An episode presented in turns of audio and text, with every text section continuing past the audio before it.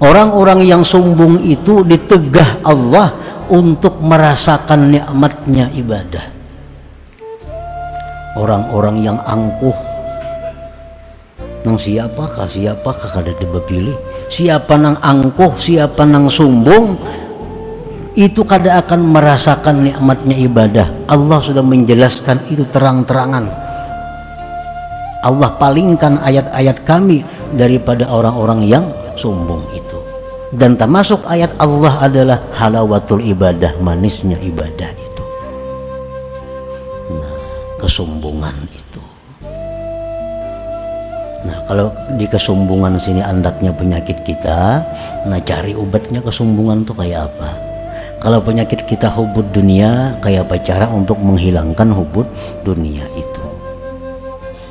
Wala ujubu ujub.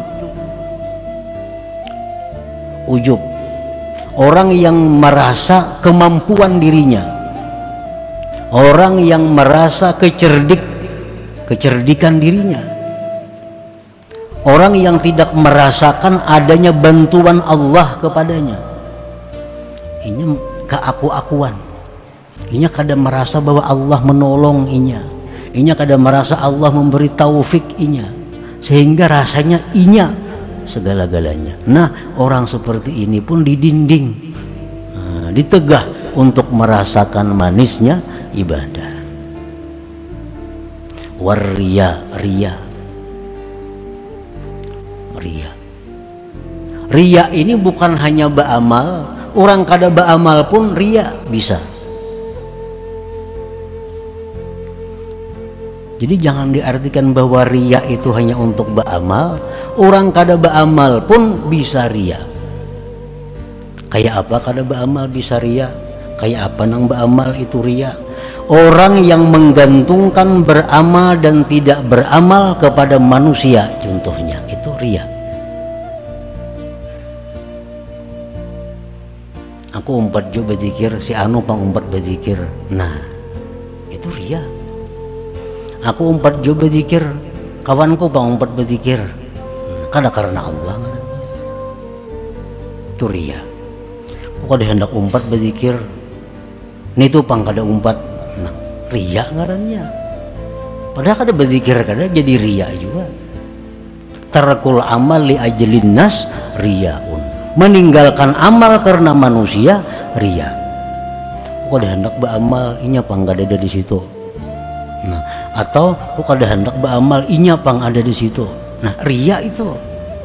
Nah bila hati kita ini ria ini ada kada akan kita dapat manisnya ibadah.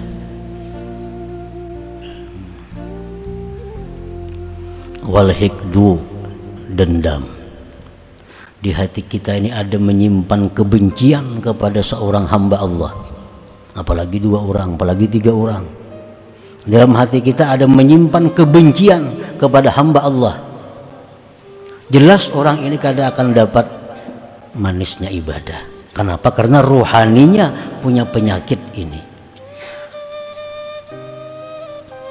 Wa aklul haram makan haram sama juga.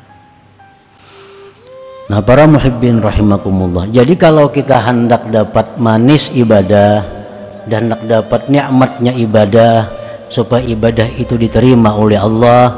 Nah kita periksa rohani kita. Adakah penyakit-penyakit tadi? Adakah hubud dunia? Oh kok ada hubud dunia? Aku bicara gini gak ada. Tapi sombong sama aja juga. Nah, orang masa salah semuaan. Orang kadang pintarnya semuaan. Ini aja saya komparasanya nang pintar sombong ngarannya. Nah itu penyebab pahit beribadah malas beribadah